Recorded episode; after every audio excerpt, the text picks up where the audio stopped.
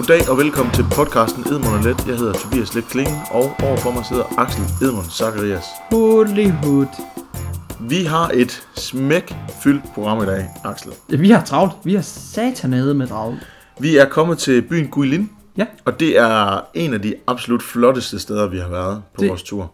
altså vanvittigt sted. Så vi skal selvfølgelig snakke en masse om, hvor flot der var. Mm. Øh, Og så skal vi have rundet en hel masse dårlig engelsk. Vi skal selvfølgelig have lidt historie om byen. Vi skal have noget quiz. Vi skal en tur til Mars. Og så skal vi snakke om øh, Kina og CO2. Ja, simpelthen jord- og betonarbejdere i, i Kina, og hvor, hvor meget af det, de bruger. Det er ustyrlige mængder. Men ja, Tobias, vi er jo dumpet ned i øh, Shanxi, Guangxi, Guangxi-provinsen. Guangxi. Guangxi-provinsen i Kina. Vi, øh, vi har jo taget fra Shanghai til Guilin en dejlig togtur på en 9-10 timer, så vidt jeg lige husker. I ikke alt for hissigt tempo. Ikke lige så, Nej, det var kun ikke så små, tempo. små 250 km i timen. Ja, ja, ja. Så det var en af de langsomme tog, Ja. vi var med der. Men altså, ikke vanvittigt lang stræk, egentlig, fordi Shanghai er jo lidt sådan øh, øh, østvendt, Mm. så vidt jeg lige husker, i de kinesiske rige, og nu er vi sådan, øh, vi er sådan lidt øh, sydvest nu. Ja. Vi, vi er meget sydkina, faktisk. Mm. Ja. Og Guilin, det ligger jo i den her Guangxi-provins, som også grænser op til Vietnam, og grænser ned til det sydkinesiske hav, så vi er faktisk tæt på at være ved en øh, decideret kinesisk havneby. Dem er der ikke mange af, men øh, vi er tæt derpå. Der er mange, men der er også Der er, i hvert fald, der ikke der er. er i hvert fald rigtig meget ja. vand, og det er, de, det er de meget, meget kendt for ned i Guilin-egnen. De har jo en flod af dimensioner, som vi kommer til at snakke mere om på et senere tidspunkt. I dagens podcast. Lige præcis. Ja. Ja, det, det troede jeg lå implicit i, Ja, ja, i men det, jeg altså, så man Nå, nå. lige skære tingene ud i pap. Ja, det er skide godt. Det er skide godt. Og det er derfor, vi kører og fungerer så godt sammen. Ja. Vi er en skide godt smurt podcastmaskine. Det kan vi allerede høre, eftersom vi bare har siddet og ramblet i godt og vel 2 minutter og 15 sekunder. Skal vi ikke tage, bare tage og komme i gang? eller Jo, altså, jeg troede egentlig, du var i gang med, med historien. Nå ja. altså, okay, fyr den af. Jo. Jo, altså, vi, vi kører noget historie. Sydlig by grænser op til Vietnam. Øh, Guangxi-provinsen. Guangxi-provinsen, det er det, man kalder for en autonom provins i Kina. Og så tænker du nok, wait a minute. Er alle øh, provinser i Kina ikke autonome? Og der er svaret nej. Øh, grunden til, at det er det, man kalder for en autonom provins, altså en provins, der har sådan selvstyre, er ikke topstyret af, altså af alt det, der foregår i selve regeringen. Men... Ja, ja. Ja, Jo, jo. På papiret, der har de deres eget show kørende, og de kører deres eget show. Men altså, faktisk grunden til, at de er en autonom stat, det er fordi, der bare er, du har kommunisme, og du skruer det bare op på 10. Øhm, sådan en øh, autonom status, det er nogen, det er det, kommunistpartiet giver til de regioner, der bare er ekstra kommunistiske, som en lille ekstra guldråd. Okay. Og så, så har de også den her status, fordi at de er placeret, som de er. De har en meget taktisk placering. De grænser op til Vietnam, og de grænser også op til det sydkinesiske hav. Så grund til, at de er autonome, det er fordi, så skal der ikke så meget styring. Man skal ikke have en masse øh, aftaler med den øverste del af regeringen, der sidder tilbage i Beijing osv. Altså, der skal bare tages nogle hurtige beslutninger på et tidspunkt, og derfor har man hele beslutningsapparatet centraliseret der i ja. Guangxi. så man, man får skåret en hel masse byråkrati væk. Lige præcis. Og så til den opmærksomme lytter, så er det nok lige, hvad var det nu lige i det der med det sydkinesiske hav? Altså grunden til, at det er super vigtigt, det er jo fordi, at der er den her konflikt om, hvem der ejer alle de her små bunker sand, som det jo i virkeligheden er. Mm. Og den vil Kina gerne have.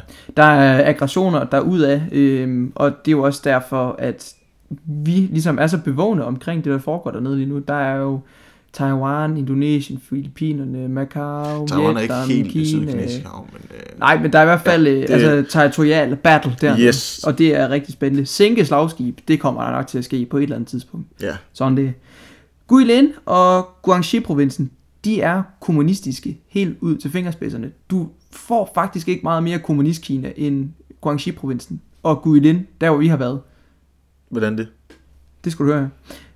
Vi skal kigge en gang i historiebøgerne. Vi springer lige ned tilbage til 1921. Den første leder af det kommunistiske befrielsesparti blev placeret i Guangxi i det sydlige Kina. Dengang der kaldte man det for det nordlige, den nordlige ekspanderingshær. Og det var en herrefører ved navn Sun Yat-sen, der blev udstationeret der.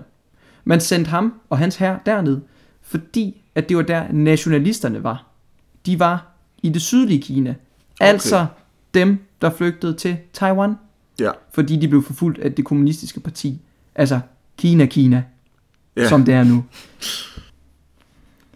I lang tid der var egentlig fred og fordragelighed nede i det sydlige Kina, men så i 1949, det aller sidste år, hvor den kinesiske borgerkrig den udfoldede sig, der gik kommunisterne altså til angreb for alvor for at hytte de sidste nationalister ud. Og de lavede sådan en pinsemanøvre, en, en flaskehals næsten, fordi vi jo var tæt på, øh, på, på vandet til syd, så var det sgu nemmere for dem bare at flygte til Taiwan derfra.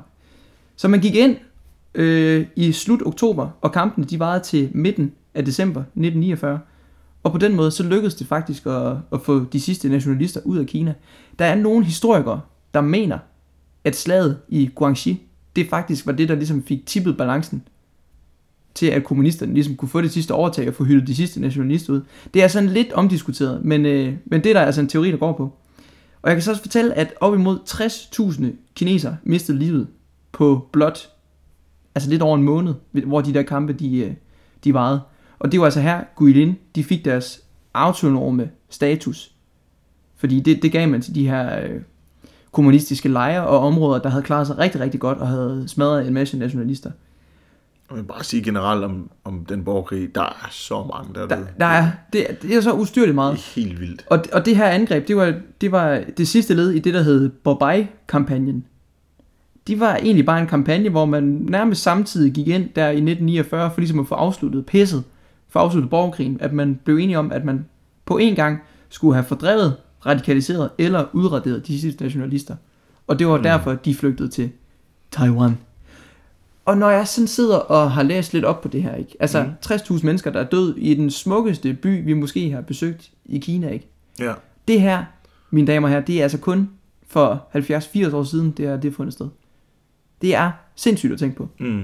At det har været så barbarisk, og at man ved så lidt om det. Ja, men det er sjovt, du siger det her med, at de er meget kommunistiske sådan noget, det giver faktisk god mening. Mm. Øh, vi kom jo fra Shanghai, Ja, og Shanghai var jo ufattelig vestligt. Det kunne næsten lige så godt være en by i USA. ja, præcis. Altså, der var jo Taco Bell, der var Apple, der Disney, var Disney. Ja, Kæmpe store øh, shopping malls og sådan noget. ja, Og så kommer vi jo til den her by, Guilin. ja.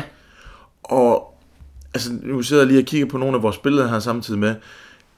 De, der er ledninger i massevis, hvor man tænker, at det her, det går galt Mm. på tværs af gaderne, og bygninger ser lidt faldefærdige ud, Ja, nogle af dem, og ja. der er sådan nogle lidt små, lidt beskidte gader, og ikke sådan rigtig god infrastruktur. Der er lige nogle enkelte hovedgader, hvor, mm. hvor asfalten dog fungerer fint nok. ja. Øh, Og, og altså, vi har jo også bevæget os i mange af de her ekskommunistiske lande. Altså, nu, nu laver jeg godsøjne, men Rusland er jo på papiret et ekskommunistisk land. Men ja. Altså, infrastrukturerne i de her kommunistiske samfund og lande og så Mongoliet. videre. Mongoliet, præcis. Mongoliet. Altså, altså, det er jo ikke det, der er i høj prioritering, Nej, fordi hvem er det, der lige skal udlicitere og lave de der opgaver og sådan noget. Ja. når alle er lige? Altså, der er ikke nogen, der skal være hverken over eller under nogen. Men hvis vi lige skal prøve at kigge lidt på nogle af de ting, vi lavede den første dag.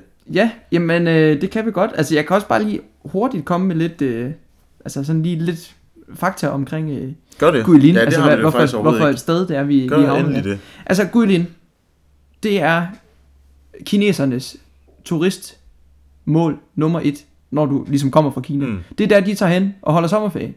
Ligesom vi tager til Skagen i uge 29, eller vi tager til Bornholm for at få en krøllbøllis, Ja, så tager kineserne til, til Guilin. det er meget forståeligt. Så sejler de på Lee River, så tager de til Longcheng rismarkerne, så går de ind og ser på en masse af de der paragottaer, der er, og så går de ind og kigger på en klipper, der ligner en elefant, og så er der også en, der ligner en kamel, og sådan noget.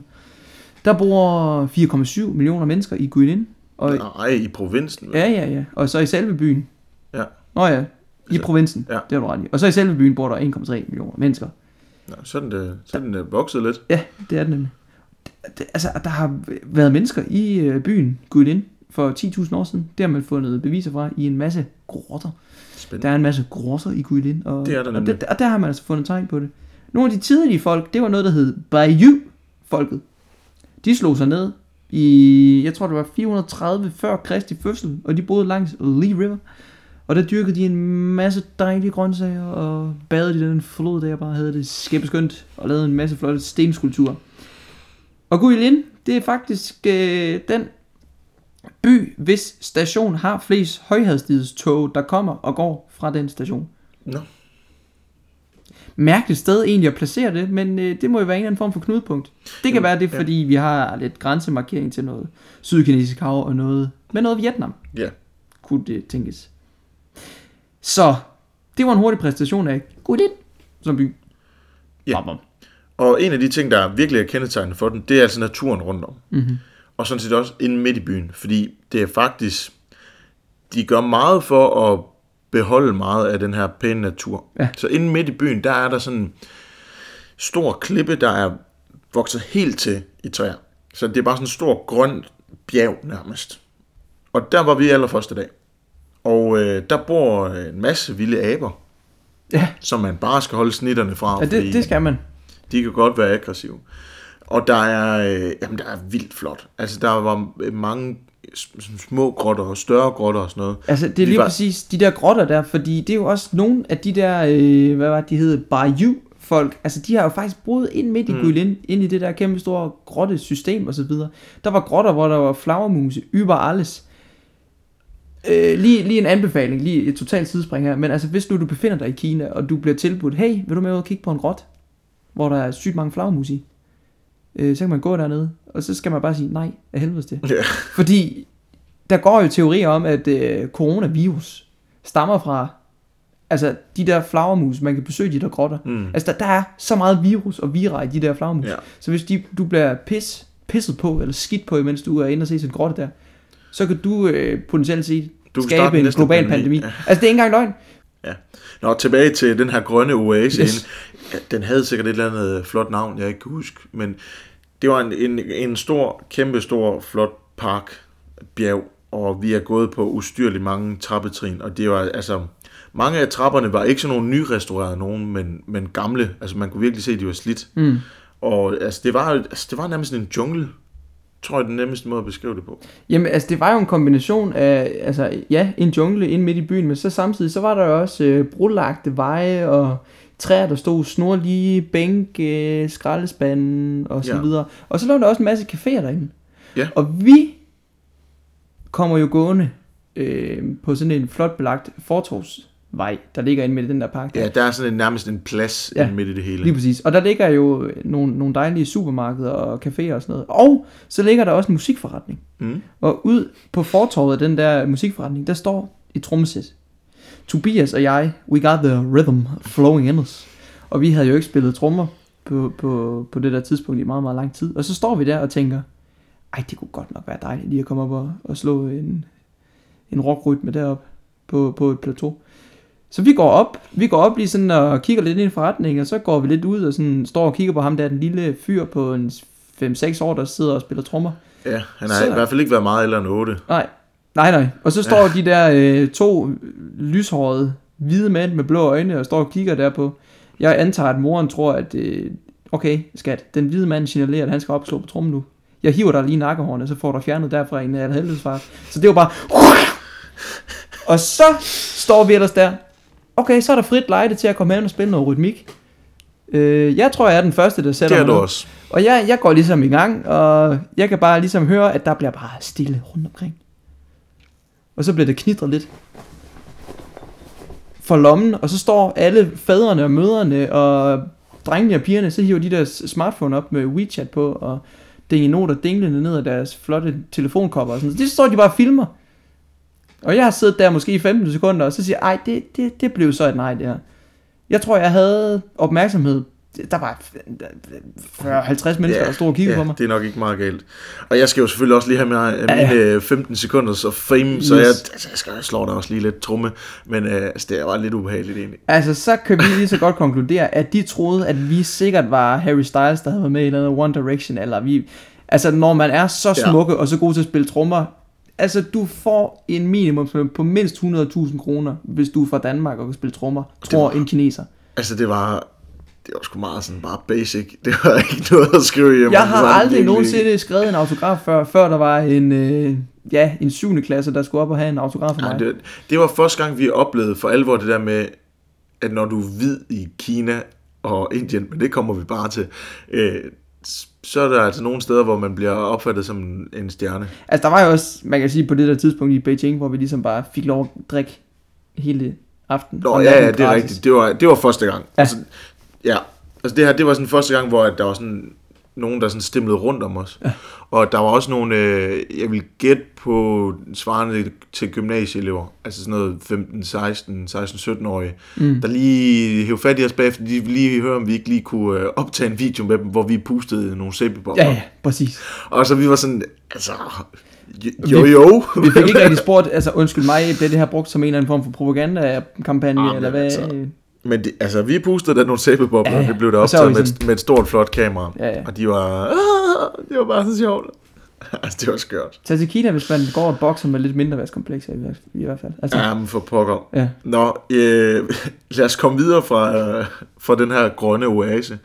Altså, så, så kommer vi jo vi kommer hjem på, øh, på vores hotel. Mm. Vi bor på et hotel, der ligger med udsigt over hele byen og floden. Ja. Og virkelig, virkelig flot. Ja. Så vi øh, gjorde... Øh, altså, vi sad rigtig meget op på... Øh, der var også en terrasse, Mm-hmm. og så spillede vi et spil, der hedder Seven Wonders Duel. Præcis. Så der tog vi lige op efter og lige fik slappet lidt af, for vi havde lidt trætte stænger. Vi var sgu lidt brugt. Det var vi. Også øh, med alle de her indtryk og folk, der ville have hive fat i os. Ja. Og så om aftenen, så tager vi øh, ned øh, i centrum af byen. Mm. Og der var sådan et food court. Øh, Der man kan godt mærke lidt, at, at, den er, at det er turistificeret der. Og så alligevel ikke helt. Jamen altså, det mindede jo på mange punkter om Aarhus Street Food, eller sådan et eller andet. Ja. Altså, et sted, hvor der er en masse food courts, og så mm. finder du et sted at sidde og spise. Ja, men det er til gengæld med traditionelle retter. Mm. Så du får ikke noget... Altså noget Taco Bell pjat. Nej, der var heller ikke flæskesteg sandwich. Nej, Altså, det var der ikke. Nej. Så vi får en ordentlig bowl med nudler og sager. Og græs. Og det her skide peber ekstrakt Ja, noget, der det skal- bare forpester ens Det mund. skal de simpelthen til at stoppe med. Altså, i hvert fald lige spørge først. De er helt pjattet, men det har gjort de sikkert også. De Ja, kunne ikke, det de kunne de. ikke tale engelsk, vi Altså, kunne ikke vi- tale kinesisk. De fik lige en thumbs up. Yes, Mm, Ja, det Ja. forpester bare ens mund. præcis. Og vi var mega sultne, så vi spiste halvdelen af det eller sådan noget, men... Ja. Uh, Men altså, så, så, havde, så havde vi jo siddet der, ikke? Og så, så gik vi ud på en, øh, en jeg tror det var en pop, ja. Ja. Sidder og drikker en, øh, en tuborg. Altså, det, det skal man lige have en gang. imellem. Det var ikke en tuborg, men det mindede om en tuborg. Ja. Ja. Det var en eller anden lokal fætter. Og så øh, Der på var i hvert fald nogle kinesiske tegn på flasken. Ja, ja, det er så fint. Så på vejen hjem, så øh, har vi ligesom en plan om, at vi rigtig godt vil ud på Lee River, som jeg nævnte tidligere, og sejle i noget, i noget bambusbåd. Øh, det skulle være en helt fantastisk oplevelse. Og så øh, går vi ligesom ind på det der turistkontor for at booke nogle billetter til dagen efter. Øh, finder ud af, at prisen der er meget dyr. Og vi var sådan lidt, det, kan- det kan simpelthen ikke passe, det er så dyrt. Men altså, hende der, der stod i turistkontoret, hun har bare konkluderet, at de der, når de kan spille trommer, så får de 100.000 om måneden, og så har de bare råd til det der. Det er jo så en stor fed løgn. Og så står vi derude foran, og sådan lidt tænker, ah pis, skal vi godt nok, skal vi betale så meget, eller skal vi simpelthen bare droppe det? Jeg, jeg tror, altså, vi snakker sådan noget fem, 500 kroner Ja. per billet. Ustyrligt dyrt. Så lige pludselig, ud af en busk, nærmest, så står der bare den sødeste, smilende Lee. Han står bare, hej venner. Gud, jamen, hvad, hvad er du der for en? Er du en form for nisse, siden du sprang frem sådan der? Er også højden af en nisse. Han var meget lav. Altså, han, han gik mig til skuldrene Ja, faktisk. nærmest til navlen. ja, han er jo nok tæt på det. Men øh, han siger sådan, øh, hvad, er, er I også ude og kigge på sådan nogle færgebilletter der? Så, ja, det er vi sådan, det var, det var jo egentlig dyrt så. Dyrt? Nej, nu går jeg lige ind og snakker med hende der i turistkontoret der. Så får han øh, strikket en pris sammen, der hedder, Jeg tror 500 i alt. ja, Sådan noget i den stil. så vi tænker, fedt nok. Tak skal du have lige. Hvordan, øh, var det bare sådan en barmhjertighed? Ja, ja, siger han så. Og så tror jeg på bagkant, vi har lidt fundet ud af bagefter, at ja, lad os nu lige se med barmhjertighed og barmhjertighed. Men i hvert fald, Det skal lige siges, uh, Lee var engelsklærer, sagde han i hvert fald, på øh, det lokale øh, gymnasium, svarer det til. Øh, Så han var rigtig god til engelsk. Mm. Øh, Han var nem at kommunikere med, og nok den første, vi mødte i Guilin, vi faktisk kunne snakke med, Ja. fordi han kunne engelsk. Det var helt fantastisk. Øh, grunden til, at jeg ikke lige ved, om han har skammet os endnu, øh, det kommer vi til nu. Kolon. Jeg er klar. Det, det er lidt som om, at lige han tager sådan rundt om skuldrene, så går vi sådan og slænger ned ad Guilins gade, sådan, hvad så bros? Fuck, I nice. Sådan snakker han ikke, men øh, han var meget formel. Han var faktisk lidt britisk accent. Så god var han til engelsk. Øhm, han tager os i hvert fald med ind på hans forældres butik, te-forretning, Mm. ind midt i øh, Guilin. Han fortæller den her smukke historie om, at han, øh, han er vokset op langs Lee River. Han har gået og begødet de der teplanter. Ja, han har det plukket dem og tørret dem. Flere generationer, Ja. mange generationer tilbage, der Ja. har haft den her teplantage. Og vi sidder jo bare naive, som vi er, bare sådan, Og vi får nogle smags. nej, hvor er det en fantastisk historie. Ja. Det er fair trade af helvedes til. Nej, sikkert også pisse økologisk. Nej, og vi må smage noget af dit te. Og vi må også købe det for, ja, altså for Det var penge. billigt nok. Ja, Altså, det var billigt det da. nok. Ja, Men altså, jeg har det sådan med det, altså fint nok, hvis han lige så et snit til at sælge os noget te. Ja. Det var da fint, jeg ville også gerne have noget te med hjem. Og han var da meget flink. Altså, jeg, jeg tror, jeg tror, du er meget uenig, men Ja. jeg tror sådan set bare, at han var en flink mand. altså jeg, jeg synes det er herligt, at vi ligesom fik nogle bøtter med kvæde til, vi kunne tage med hjem til vores forældre og sådan, souvenirs! Lige præcis. Men jeg tror simpelthen ikke en skid på, at han var gymnasielærer. Og jeg tror heller ikke på, at han har gået derude i gødningsmarkerne og plukket teblade og tilsmagt Nej, dem. det er og ikke sikkert. Jeg tror, at det var et stort scheme. Det, men det er også Men igen, fint. Det er mig, der er Vi fik skeptisk. billigere billetter, vi fik noget te. Alt er godt. Jo jo. Ja, ja. Ja, ja. Ja, ja. Vi hopper videre til dag to. Der øh, skal vi se turistattraktion nummer uno. Ah, måske nummer to faktisk. Lee River er nok nummer uno. Mm. Men vi skal ud og se øh, de her meget, meget flotte og kendte rismarker, Ja. der ligger ved Guilin. Mhm. Det er en øh, bustur på, hvad tog det, to timer. Sådan et eller andet. Vi er lige ved at komme for sent til bussen, fordi vi kunne simpelthen ikke finde den. Men øh, vi kommer med, og vi kommer derud, og øh, wow, der er simpelthen så flot. Altså, så langt øjet rækker, så er der de her terrasser, der er dækket med vand, så de spejler himlen. Det er så flot. Det er simpelthen, jamen det jeg har svært ved lige, hvordan man skal beskrive det, fordi Jeg synes, du er så sød, Tobias. Du sidder næsten helt med tårer i øjnene. Og. Jamen, jeg sidder også lige og kigger på billederne af det, det Ja. og jeg har, det skal vi nok få lagt op, men jeg har sådan et, et, et synes jeg selv, rigtig godt billede, hvor der er en, øh, en lille kineser også med sådan en, en trekantet hat der, Mm. øh, der øh, så ser kan finde Altså en helt karikeret øh, fuldstændig, forhat. der, altså, der arbejder ja. ude i marken der, altså Mm. det er bare, Der er også sådan en øh, samurai-film over det. Altså, det var det fantastisk. Altså lidt en kontrast det der med, at man skal øh, bumle nuller rundt i et tog, eller i en bus i et par timer for at komme derop. Jamen, og, altså der er jo sådan nogle turistificerede områder med øh, træ, øh, hvad hedder det, sådan nogle træstier nærmest, man går på for Mm. at kunne se ud over. Ja. Vi tog lidt mere the off-road, Ja. og kom lidt, altså vi kom helt ned til øh, Rismarken, det er ikke Ja, sikkert, vi måtte. men Nej, og altså, det er jo det, altså, vi, vi har jo taget os lidt frihed, og sådan, altså, vi har sgu skidt lidt højt og flot på en masse afspærringer, imens vi har været på tur. Og det her, det var nok sige det tilfælde. Men til Guilin og se Rismarker, Ja, fordi Kæmpe anbefaling. Altså, det er jo ikke, det er jo ikke noget unikt for Guilin, altså en rismark, for der er sgu mange rismarker rundt ja, omkring, men der var bare så et set eller heller ikke kun i Kina. Nej, men, nej. Men det her, er det, er det noget med, det er den største? Altså, det, det er i hvert fald den største, og det er også den, der bliver, altså, der producerer mest ris på den der gammeldags fasong, tror jeg. Ja. Man kunne have valgt at tage sådan en, øh, en gondol, som vi kender fra de sydeuropæiske ski øh, op. Eller man kunne tage en meget lang, snirklet trappe. Mm, Den tog vi selvfølgelig, og det var, det var hårdt, men det var det hele værd. det var det værd. Altså, ja. Og så, altså når man er deroppe, der er, sådan, der er virkelig meget fugt i luften. Mm. Så altså, du, du, du, du, du, du går nærmest helt til, på en eller anden måde. Jeg tror også, det er rigtig, rigtig godt for huden. Det er det sikkert. Sådan noget rice moisturizer.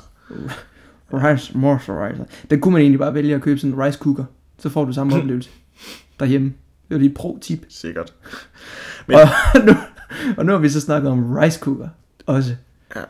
Vi skulle lave sådan en bingo-liste på et eller andet tidspunkt, sådan over mærkelige ord, vi ligesom lige pludselig skal have fået klasket ind i, Det kunne være meget sjovt. i podcasten.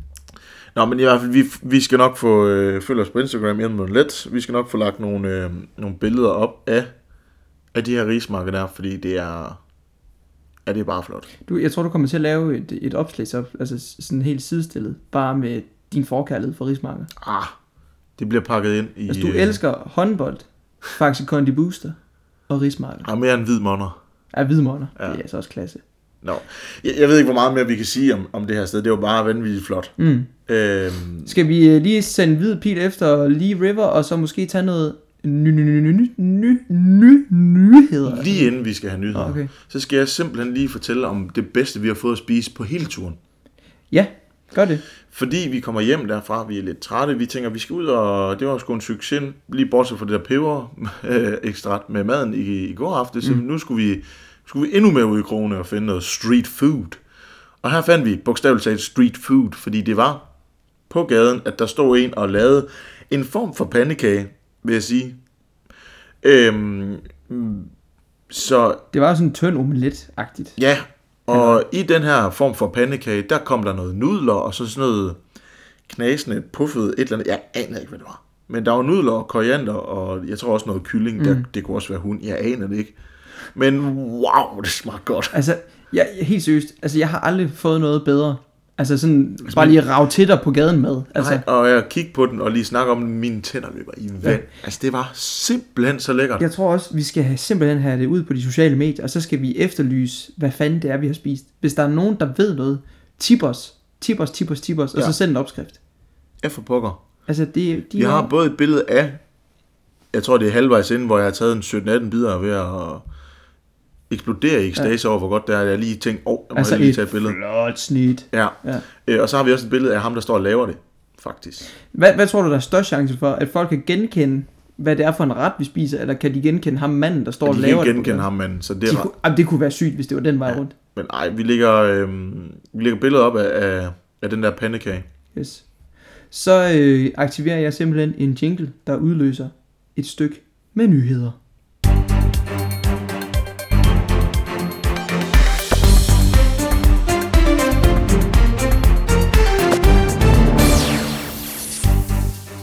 Kina er landet på Mars. Vi optager i øh, dag den 15. maj, og klokken 01 i nat, der landede Kina deres Shurong rover Så på det er Mars. altså dukfrisk. duk friske nyheder Uff. lige her. Og det betyder altså, at Kina er ved at catche op på rumfartsræset. Ja, ja. Altså man kan jo sige, altså jo catch up, de, det er jo ikke lige, for, lige frem, fordi de har været skide hurtige. Eller hvad? Jo, det synes jeg faktisk, de har. Fordi øh, vi tager sådan meget kort Kinas øh, rumhistorik her. Og øh, de har sådan set været i gang, de har været i gang i lang tid. Men øh, fra 2013 af, der har det taget fart. Fordi i 2013, der lander de øh, en lille, sådan en lille sonde, en rover, der kan sådan en lille en, der kører rundt. Ja. Ligesom Wall-E, hvis man har set den film. Øh, på månen. Og det er de første til at gøre siden USA og Sovjet. Og siden der, der har de altså haft virkelig meget fart på med at lave øh, eksperimentelle laboratorier, der for eksempel de kunne dokke dem sammen, fordi de gerne vil bygge en rumstation. Ligesom International Space Station. De vil Ja. ja. bare have deres egen. Og øh, den 23. juni 2020, der skyder de altså den her rover afsted til Mars. Og det er jo så et kæmpe breakthrough, at de så landede på den her i nat. Ja. Der har jo været lidt øh, historie om den her øh, store raket, som var i gang med at falde ned igennem atmosfæren, de havde mistet kontrollen over. Mm-hmm. Og hvis vi lige skal kigge kort på den. Øh, må, må lige, altså har det forbindelse med den rover, altså der er blevet sendt afsted? Ja og nej. Okay. Øh, roveren blev sendt afsted med en raket, der hedder Long March 5. Mhm. Og øh, den her raket, der styrtede ned mod jorden, er Long March 5B. Så det er et samme Okay. type raket. Ja. Dens mission, som den lykkedes med, det var at øh, få sendt korn, altså altså det, det centrale i øh, Kinas øh, igangværende rumstation, mm-hmm. ud i rummet Ja. i kredsløb om jorden. Ja. Og det lykkedes. Okay. Så tillykke til Kina. Og var det, var det planen, at den så skulle tilbage til jorden? Jeg ved faktisk ikke, hvad, det har jeg ikke kunne finde ud af, hvad Nej. planen med den var. Nej. Det tror jeg stadigvæk kun er SpaceX, der kan det. Jo, jo, men altså man kan jo gøre det, at man får en raket til at dumpe og falde ned Ja. i noget vand, og derefter kan man sejle ud for at... Ja, jeg ved ikke, hvad deres plan Nej, var. okay. Det har jeg ikke kunne finde frem til. Men uh, grunden til, at der ikke rigtig er nogen danske medier, der har skrevet om, hvad der skete med den her, eller eftersom der var meget snak om, at uh, nu styrer den ned. Ja. Det er fordi, den dumpede ned i det indiske ocean. Ja. Men meget tæt på... Tæt på- Maldiverne, eller hvad var det? Ja, Maldiverne. Ja. ja men, men det er jo sådan lidt antiklimatisk, Ja. ja. den bare ramte ned i noget. Altså jeg læste jo prognoserne her for en uge siden, hvor der stod, at sandsynligheden for, at den ramte ned i noget ocean var to tredjedele. Ja. Så forskerne var ikke sådan så bekymrede. Men jeg er også bare sådan, det er stadigvæk 33% chance for, at den smadrer ind i Rom, Beijing eller New York. Altså det var sådan, what? Hvordan sådan, ah, Ja, er men, øh, men det er jo, altså, Ja, den styrte ned i noget vand, Ja. og så snakker vi ikke mere om det. Jeg har et andet stratosfærisk spørgsmål til dig. Ja. Jeg ved ikke, om du kan svare på det. Det kan helt sikkert. Vi har jo ISS. Ja. Ikke islamisk stat, men vi har jo den her... International Space Station. Yes, lige præcis. Øhm, den har vi, og den er jo... Den kan alle nationer bruge, altså hvis Mhm. man kan komme op i det der skide rum. Men hvorfor er det, Kina ikke gider være en del af den løsning, og så bare fucking laver deres egen rumstation? Fordi det er jo ikke sådan, fordi at USA har deres egen rumstation, eller Indien har deres egen rumstation. Eller, Nej, nej. Hvordan kan det lade sig gøre? Eller hvorfor gør de det? Jamen, jeg tænker, det er fordi, at Kina gerne vil være... Altså, de vil gerne være førende i rummet. Ja. Øh, og, og derfor er de i gang med det her. Hvis vi lige skal sætte nogle datoer på den her rumstation. De gik i gang her i, øh, i 2020 med at... Der startede projektet. Nu Ja. skal jeg lige finde... Øh, der var den. Yes. Nej, jeg lyver. 29. april 2021. Så det er ikke så lang tid siden. What? Nej, det er da virkelig... Ja, og det var den her long, long March 5B, der så styrtet ned. Og det var en succes. Mhm. Øh, den kom igennem. Næste opsendelse, det er om fem dage, den 20. maj. Mhm. Der sender de det næste modul afsted. Modulet, det hedder Wonchang LC2. Så ved du det. Hvad kan sådan en modul? Ja, pas. Det, det skal jeg ikke gøre mig klog på. Men Sidste mission bliver sendt afsted november 2022, og der skal den så være færdig. Så de har fart på. Det er i alt 11 missioner, hvor en af dem er lykkes. Og så også en ud af en, hvor raketten er Ja, ja, man kan sige- løbsk mod jorden. Så det er Ja. da spændende, om de får styr på det i de næste 10 missioner. Ja. Indtil videre er øh, den her mission, de kalder Jianshu 2, ikke øh, udskudt, men øh, nu må vi se. Det der, jeg kaldte Wenchang LC2 lige før, det er launch-sitet. Det har ikke, ja, så okay. Det er der, den bliver skudt afsted fra, Ja. og øh, ja, Så det er deres Cape Canaveral-agtigt. Ja. ja. Hold nu op. Altså, at, at man bare lige sådan bygger en, øh, en rumstation på to år, eller hvad, hvad ja er det? To, øh, et år, Ja. halvandet år. Men det er jo... Det er, Altså, det har jo taget længere tid at bygge modulerne og sådan nogle ting, Ja. men nu får de skudt dem afsted. men en ting er at bygge et modul, og en anden ting er fandme at sende den op og få den til at blive svævende op i stratosfæren. Altså, Ja. Så øh, Kinas rumprogram, der er hvis vi lige skal opsummere, der er altså fart på. Ja. Siden 2013 er det virkelig gået stærkt, ja. og de næste par år kommer det til at gå voldsomt stærkt. Så Kina er nu på Mars. Det er fucking skræmmende. De har en rover, der kører rundt på Ja. ja. Mars. Så de er med i øh, kapløbet om at komme til Mars først. Ja, Og det er spændende. Kina er i gang med at få en stor, fed, flot rumstation. Ja. Ja. Ved du egentlig, hvad der kommer til at ske med ISS, når den bliver taget ud af drift lige om? Jamen, jeg har faktisk lidt spekuleret på det, ja. Altså, jeg tror jo, planen er, at man begynder simpelthen at kigge på, om vi ikke bare skal slå os ned på månen. Altså, det er sgu nemmere. Ja, Det, jeg, jeg tror simpelthen, det er det, der er tanken. Er sagtens. Altså, så er der men, frit light op på månen, så kom op, bros. Men Tag det din betyder raket og jo så, at øh, Kina nok snart er de eneste til at have en rumstation i øh, kredsløb om jorden. Og det har også nogle kæmpe fordele. Ja. Altså, man, man regner med, at man kan kolonisere månen, så man ligesom kan få et fast tilholdssted der. Og der, øh, hvis vi lige skal tage den danske vinkel, Bjarke Engels har jo tegnet nogle flotte, flotte bygninger, der skal laves deroppe. Skide Bjarne Engels, ja. altså.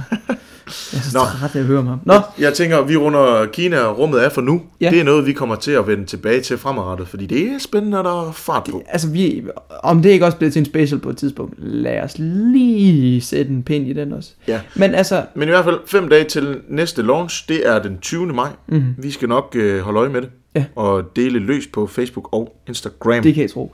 Altså, fra Kina har hissigt travlt, så har jeg faktisk også lidt en, en, en nyhed om, hvor hissigt travlt Kina de har. Jeg har ikke til denne gang forberedt en decideret nyhed. Jeg har bare forberedt en skide god og velskrevet artikel af en fyr, der hedder Lars Henrik Ågård for Berlinske. Han har beskrevet nærmest en punktform for punktform, hvor meget Kina egentlig er i gang med at kollektivt fuck os alle sammen op, ved Ja. at de har så travlt, og ved at de bygger så skide meget. Altså, vi ligger hårdt ud med dette citat.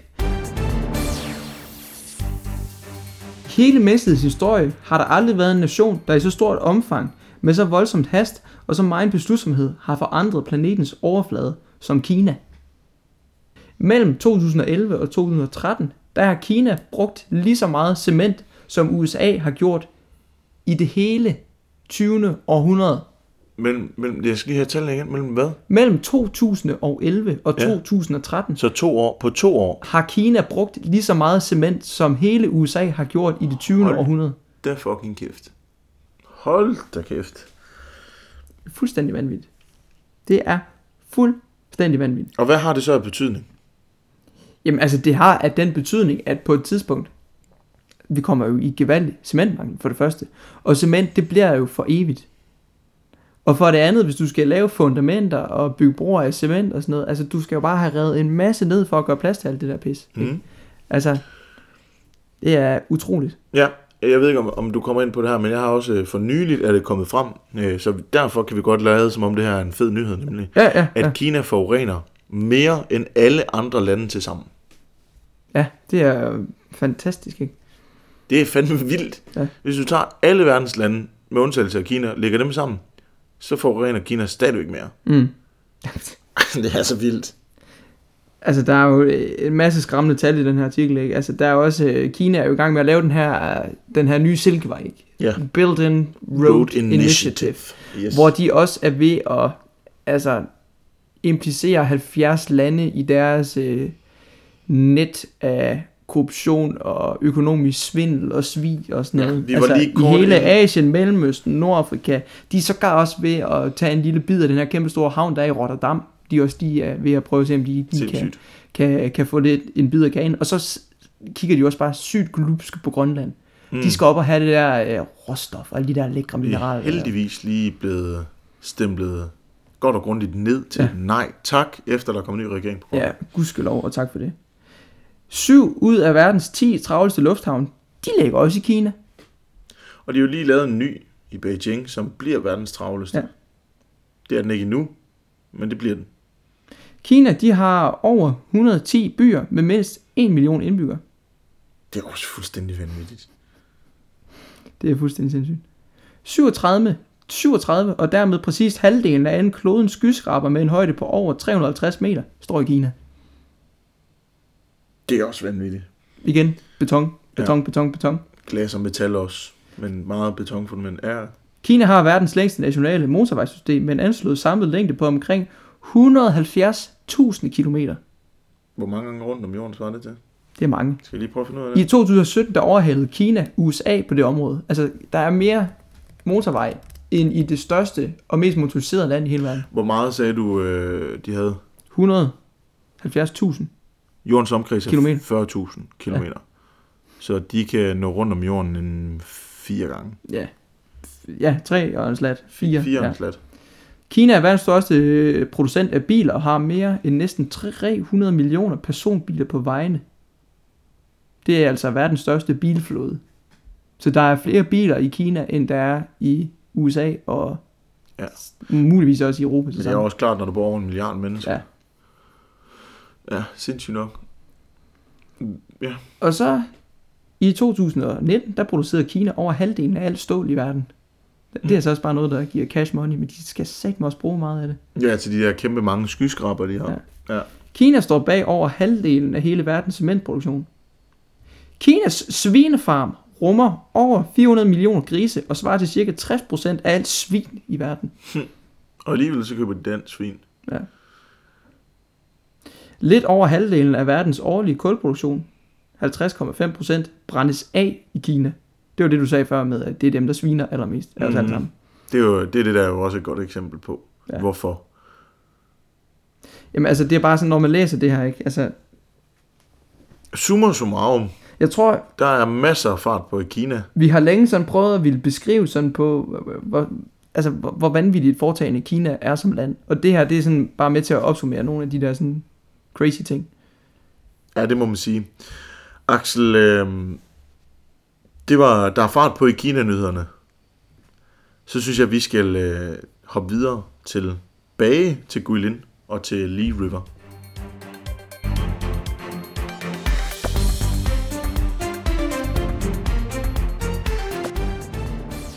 Og fra et styks vidunderligt dejlig jingle til et andet styks vidunderligt dejlig bamboo boat.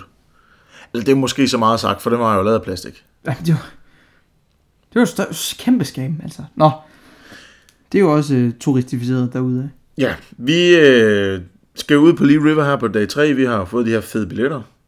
Og vi skal ud med en bamboo boat, som var lavet af plastik. Ja. Blå plastik. Men altså, selvom båden var ikke, så var sceneriet og udkigsposten fra den her båd noget af det smukkeste, Jamen, det var så vildt. Ja. Det lignede mest alt noget fra Avatar. Ja, eller en eller anden øh, Star Wars planet, eller Ja. sådan noget andet. Ja. Jamen, Avatar beskriver det altså meget godt. Ja. Der var de her høje, nærmest sådan bjerge, hvor der bare groede træer på. Mm. Altså, om det var klippe, eller om det bare var jordbunker, I don't know. Nej, det var noget klippe. Ja. Altså, det, de går op i sådan, altså det er sådan en spidsklippe, ja, ja. Øh, eller sådan nogle buer og sådan noget. Og noget af det der, altså, jamen det er jo svært at beskrive, hvor vildt det ser ud. Og jeg, jeg, jeg synes faktisk, vi var heldige med, at der var lidt tåget den dag, vi var afsted. Mm. Det så også bare vanvittigt ud. Det, altså. det var, ja, altså sådan lidt sejt i den der båd der, man kom sådan til, til at tænke på Pirates of the Caribbean, eller et eller andet sådan. Man ja. sejler ind mod et eller andet uvist, om der lige ligger en drage på lur bag en af de der klippetop, eller sådan noget. Det var sindssygt. Jamen det, altså det var, det var bare vanvittigt flot. Øhm, og jamen, altså noget, en af grundene til, noget af det, der er med til at beskrive, hvor flot det i virkeligheden er, er også, at det er øh, på en af de kinesiske pengesedler. Mm. Der er Lee River og de her bjerge afbildet. Og det er på den kinesiske 20. Den kinesiske 20 yen. 20 yen. Altså, og, og vi fik jo også besværligt gjort hele processen fra Jysk Rejsebureau en anelse, fordi at jeg tror, at vi havde jo sådan, da vi skulle ud og planlægge turen her, vi havde sådan lidt, ja, vi skal jo igennem Rusland, Mongoliet, Kina, hvad- skal vi se i Kina? Jeg tror bare lige, vi tabede, googlede Ja, Kina, og så kom der de der øh, bjerge der. Ja. Og vi var bare sådan, der skal vi hen. der skal vi hen, koste hvad det koste vil. Ja. Og det var jo slet ikke, altså Guilin lå jo egentlig ikke logisk på den rute, vi havde valgt at planlægge. Det var Nej. faktisk stik modsat retning. Ja, det var det Men vi faktisk. skulle lige ned og, og sejle på en bambusbåd, Ja. som så viste sig at være plastik. Men ja, ja, det er sådan set lidt ligegyldigt, ja. Fordi vi kom ud og se det, og det var virkelig, virkelig, Fordi bjergene, det var godt nok fantastisk. Ja, det må man sige. Ja. Øh, når man sejler på Lee River, så starter man lidt ude for Guilin, tog en lille bus, to og en halv time eller sådan noget, mm. Tror jeg. Og så kommer man ned til en by, der hedder Yangshu. Var det ikke det, vi? Præcis, Yangshu. Yangshu har været, med tryk på har været, en gammel, flot fiskerlandsby. For det er den ikke mere. Altså nu er det en gammel fiskerby, der ligesom er blevet peppet op med McDonald's, Starbucks og alt muligt flot. Virkelig renoveret og pudset nusset, men det kan bare noget, den der gamle kinesiske æstetik, der ligesom har fået det der moderne tryllestøv. Altså, Ja, altså de har jo været inde og lavet som om, altså de har jo bygget bygningerne igen. Mm. bare nyt og flot. Ja. Men den er meget turistificeret, fordi der, altså verdens flotteste Starbucks ligger der. Ja, Verdens flotteste tvivl. McDonald's ligger nok også der. Ja. Øhm, I hvert fald af dem, jeg har været på. Og du har været på mange Jeg har Starbucks. været på... Nej, nej det var McDonald's, jeg tænkte på. Da.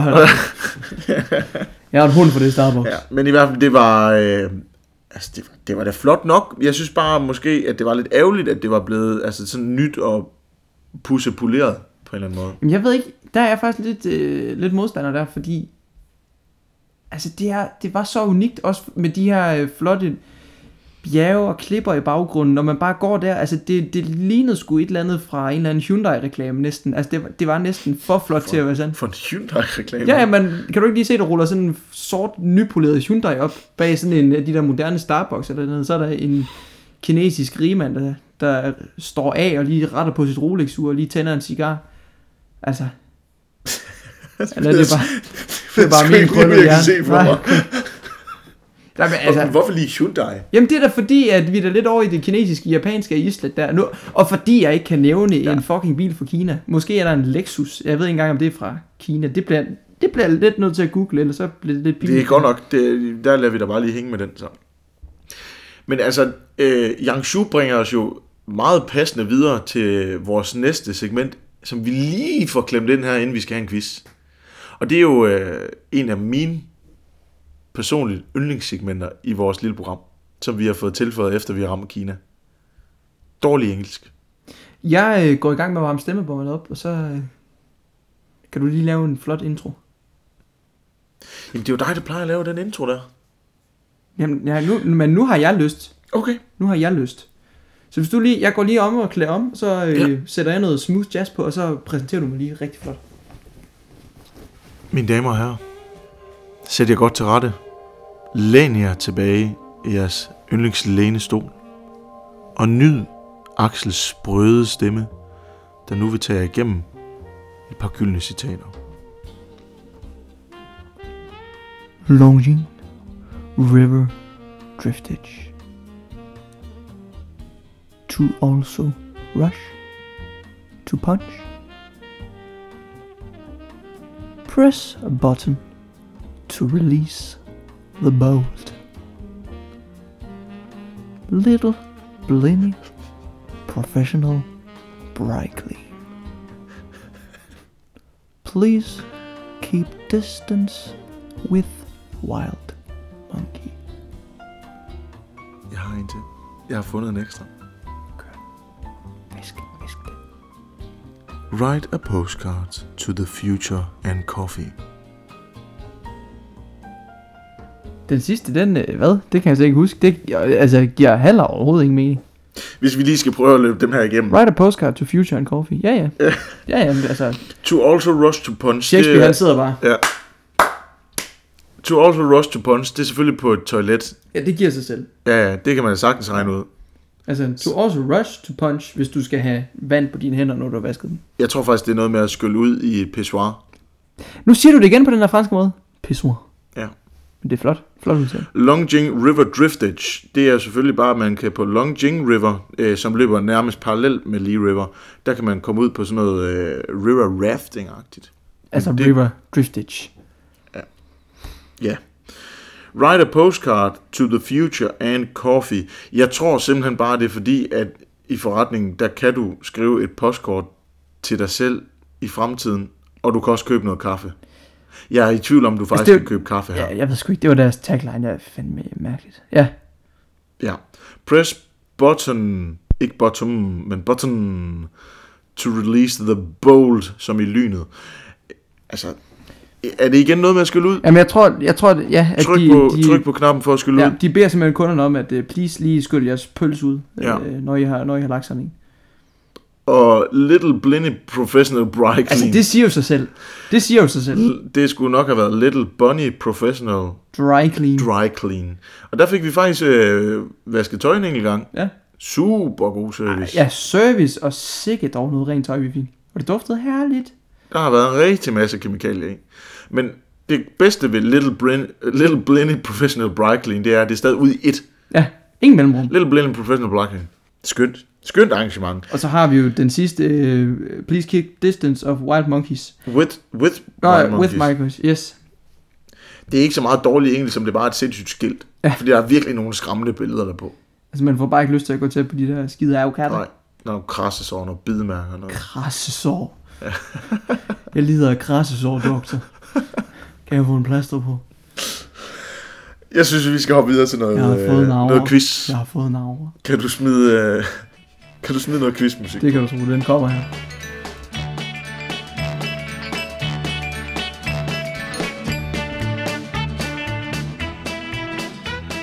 Velkommen til Guilin Quiz, Axel. Tak skal du have, Tobias. Dagens quiz er på 10 spørgsmål. Ikke en øh, 8 spørgsmåls quiz med 10 spørgsmål, eller hvad det var, du havde dengang. Jeg ved ikke, hvad det er, du refererer til lige nu. Det er også fint nok.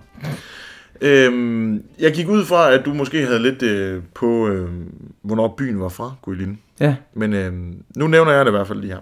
Guilin er en gammel by. Okay. Ja, det er det. Shit. Den er, fra, øh, den er grundlagt i 214 før Kristi fødsel. Ja. Den er grundlagt af Kinas første kejser. Hvad hed han? Kinas første kejser. Ej, jeg har læst det. Var det Queen? Q-I-N? Kejser Queen? Du er fandme godt nok tæt på. Qin, Qin Shi Huang. Ej, Queen? Qin Shi Huang. Men altså, var det Q-I-N? Q-I-N-S-H-I-H-U-A-N-G. Qin Shi Huang. Jeg synes bare, der er noget, der hedder Queen sted, nemlig. Det er sikkert også det, han kommer Ja. fra. Men Qin Shi Huang. Du får en kvart rigtigt. Åh, Det var fedt. flot. Du Fedt, får en kvart rigtigt. Tak, tak, tak, tak. God start. Ja, solidt. Der er mange kulturelle festivaler i Guilin. Ja, Men hvad hedder den vigtigste og mest populære? det er Lysfestivalen. Nej. Nå, pis. Men det er et godt bud. Det er Det var jeg virkelig... Den, den troede jeg havde, den her. Ja. Nå, Tomb... det er Jazzfestival. De er syge med jazz i Guilin. Den hedder Tomb Sweeping Day. Og det er ikke så meget en dag, som det fordi den er over altså, tre dage. Som i Tomb. Ja, som i en, Tomb Raider. ja, ja, som i en grav. Ja. Og man øh, gør lige gravpladserne pæne, og så beder man til sine forfædre. Yes. Den øh, finder sted den 4. april og tre dage frem. Pis, så har vi misset den for i Ja. år. Nå. Men det er åbenbart en stor ting. Men altså, så går man simpelthen bare rundt og gør rent på kirkegården, eller hvad? Jeg ved det ikke. Nej. Noget i den stil. Det lyder umiddelbart kedeligt. Form, er der en fadøl og høj musik Jeg tænker, der er samtidig, eller? fadøl og høj musik. Ja, fedt. Tre, tre dages druk, formentlig. Imens man går og passer lidt rhododendronbusk. Ja. Ja, ja. Som der var, altså som der er uanelige store mængder i Kina. De er syge med den rhododendron. Er der rhododendron spørgsmål her senere i quizzen? Nej. Jeg ved, der er vi et hopper botanisk videre. spørgsmål. Vi hopper videre. Okay. Der kommer snart botanisk spørgsmål. Udover en flot flod og rismarker, så er, så er Guilin også kendt for en anden turistattraktion. Wow! Så er Guilin også kendt for en anden turistattraktion. Men hvilken? Lad være med at sidde og google. Nej, nej, nej. Det skal jeg nok være med. Øh, jamen, jamen, jamen, jamen. De har jo den her klippe, der ligner en elefant. Ja. Så har de den her klippe, der ligner en kamel. Ja. Så har de den her paragotta, eller de to paragotta. Ja, dem har vi faktisk slet ikke Nej. nævnt. Sun and Moon goderne. Vi boede lige ved siden af dem. Ja. De var virkelig også flotte. Men, Men- Men det har ikke noget med dem at gøre. Nej, altså sådan en... Jamen, der, jamen, så har de også en, den der gamle by der, men er det jo... Nej, jeg ved det ikke. Kom med et bud. Jamen, så er det paragotta. Nej. Nej. Det er simpelthen klatring i klipper. Klatring i klipper. Ja, de er øh, utrolig attraktivt at komme ned og, og klatre i, i klipperne omkring Lee River. Ja. Åbenbart. Er det sådan et, øh, et destination, hvor alverdens professionelle klatrer, de kommer ned for at klatre? Det er ikke sagtens tænkes. Ja. Det så fedt ud. Altså, jeg gad da godt prøve jeg gad det, de med der billeder, jeg lige så kravle der. rundt der. Ja. Ja. ja. Godt. Så kommer vi til spørgsmål 4 nu. Mm-hmm. Hvad betyder Guilin?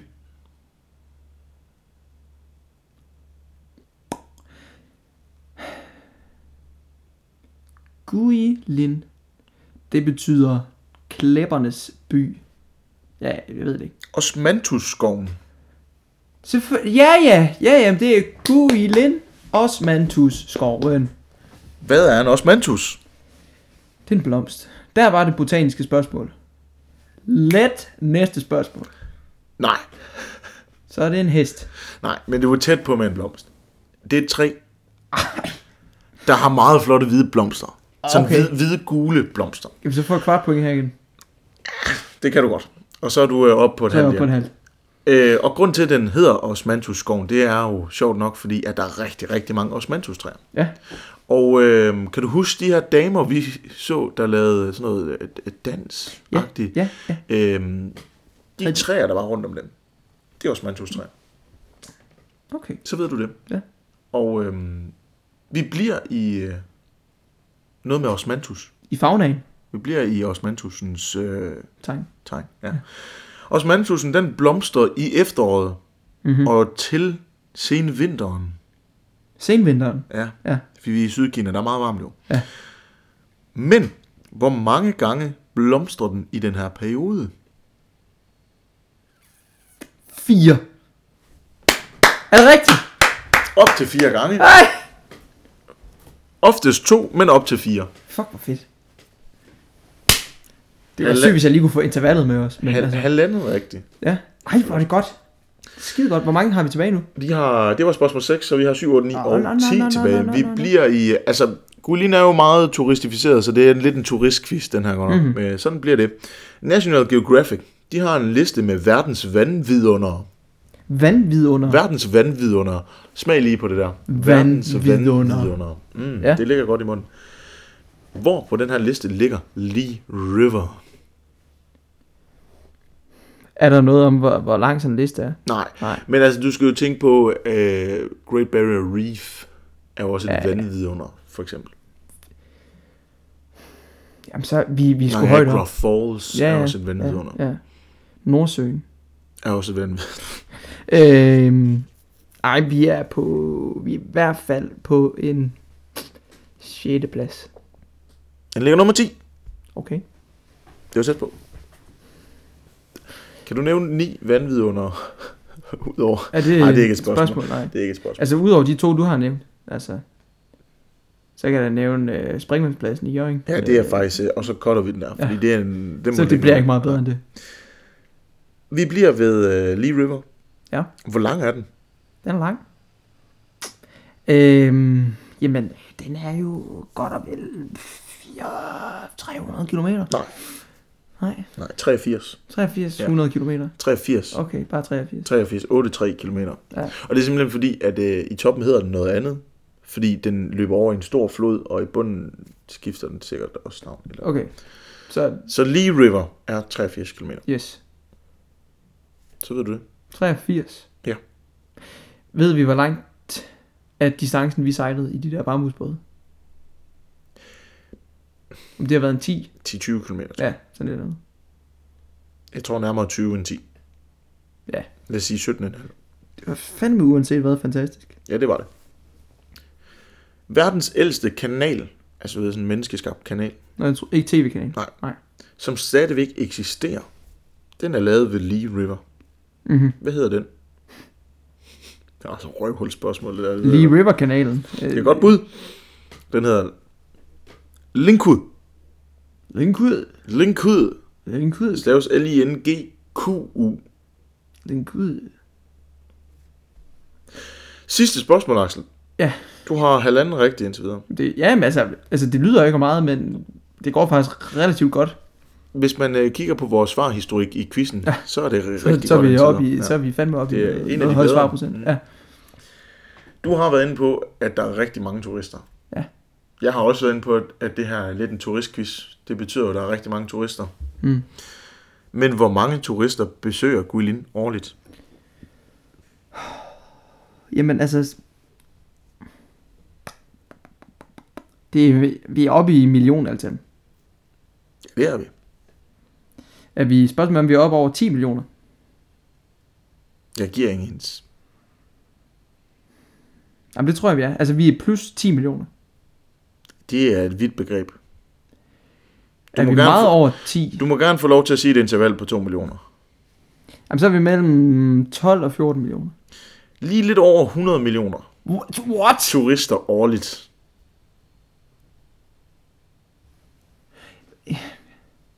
Jamen det, det er nogle gange, det er så store tal, man ikke sådan helt kan fatte. Og nogle gange så glemmer man også, at bor 1,4 milliarder mennesker i Ja, Kina. men det er jo også... Altså 100 millioner igennem Guilin Ja, på en, en sæson. ja. Det kan jeg slet ikke forestille Nej. mig. Jeg synes altså ikke, Guilin virkede så stor heller. Nej, altså der... Det var da helt sindssygt. Nu sagde du, der bor 1,3 millioner i selve Ja. byen. Jeg, jeg havde læst mig frem til 850.000, men det er sikkert nogle gamle tal. Jamen, jeg tror også, det var fra da vi var der. Jeg tror, Ja. at den, er, den ekspanderer jo. Sådan, sådan gør det jo for helvede Ja. overalt i Kina. Øhm, men, men Det er jo vanvittigt. altså, min hoved eksploderede også, da jeg Ja. læste det der. Det var fuldstændig sindssygt. Jeg, var jo, altså, jeg skulle lige gange det med 10, jeg egentlig havde Ja. tænkt mig at svare. Fuck, mand. Det var quiz. Jeg gad så godt komme tilbage Det gad virkelig også. til Guilin, for ligesom at se, hvad der er Og- sket. Og svært af noget længere tid. Ja. Ja. Men vi havde, øh, Fire dage. ja, tre, fire, fire dage. Ja. Tre og en halv dag. Og så var det altså lidt bare afsted til Chengdu derfra. Ja. Men, øh, hov, nu har vi snakket i, ja, snart en time. Men øh, Chengdu, det bliver næste gang. Og det er jo øh, Pandaland. Det er pandaland. Altså, jeg har bare lyst til bare, at vi laver en særiepisode kun om pandaer. Ja, det kunne vi også godt. Snakke om, hvor fucking åndssvagt et dyr det i Det, virkeligheden. er, det burde slet ikke eksistere længere. Det kan være, at vi i stedet for, øh, vi, skal, vi piller et eller andet segment ud næste gang, og så tager vi bare øh, Panda Rant. Vi skal lige brække ned, hvad det var. Hvorfor Shin Mao og Shin Øh, de ikke gad at parre sig Ja. over i København.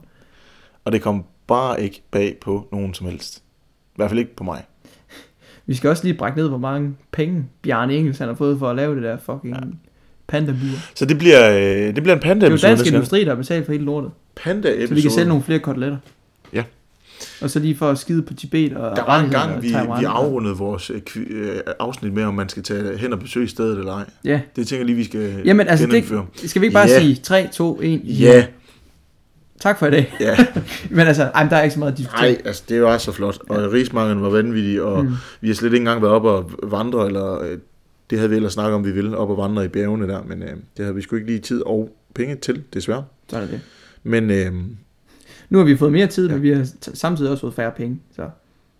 kom afsted til Guilin, det er et fremragende sted. Ja. Og hvis du overvejer også at smutte forbi Chengdu, så glæder dig til næste gang, hvor vi tager hul på den. Yes. Mm. Det aller sidste, jeg lige vil sige, inden vi trykker på stop, og tak for i dag, knappen, det er prik lige til en ven. Sige hallo. Ja. Det her, det er meget fedt. Altså, det, det behøver ikke bare være én heller. Det, det må gerne være må også flere. gerne prikke til 10 venner. Ja, 100 også. Ja, 100 og millioner øh, også. hvis I ikke gør det i forvejen, så øh, like og følg os på Facebook og Instagram. Der hedder vi Edmund og Let. Så smider vi lidt lækre billeder op. Og så må I bare have det skønt, til vi ses næste gang. I er smukke. Vi er smukke. Kan I hygge jer?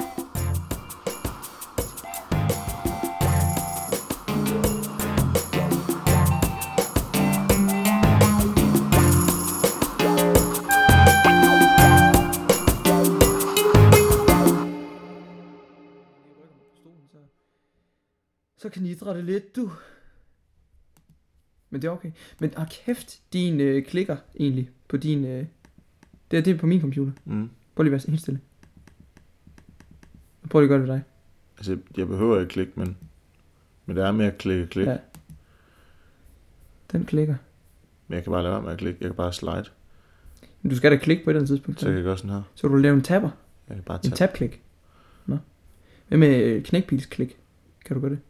Markere noget. Hvis du holder musen henover, så trykker knækpil. Åbner den, så ikke også pisset. Knækpil, hvad er knækpil? Det er enter. Hæ? Nej. Du kan ikke, hvis du slider musen hen, og så trykker enter. Ja. Nå, det gør min. Nå. Nå. Nej. Så er min jo lidt sejere end din. Kom Lad, videre. lad os lege det. Hvad er det, du har? En del. En del. Del. Del. Jeg har en, der kan yoga. Røv fedt billede det her.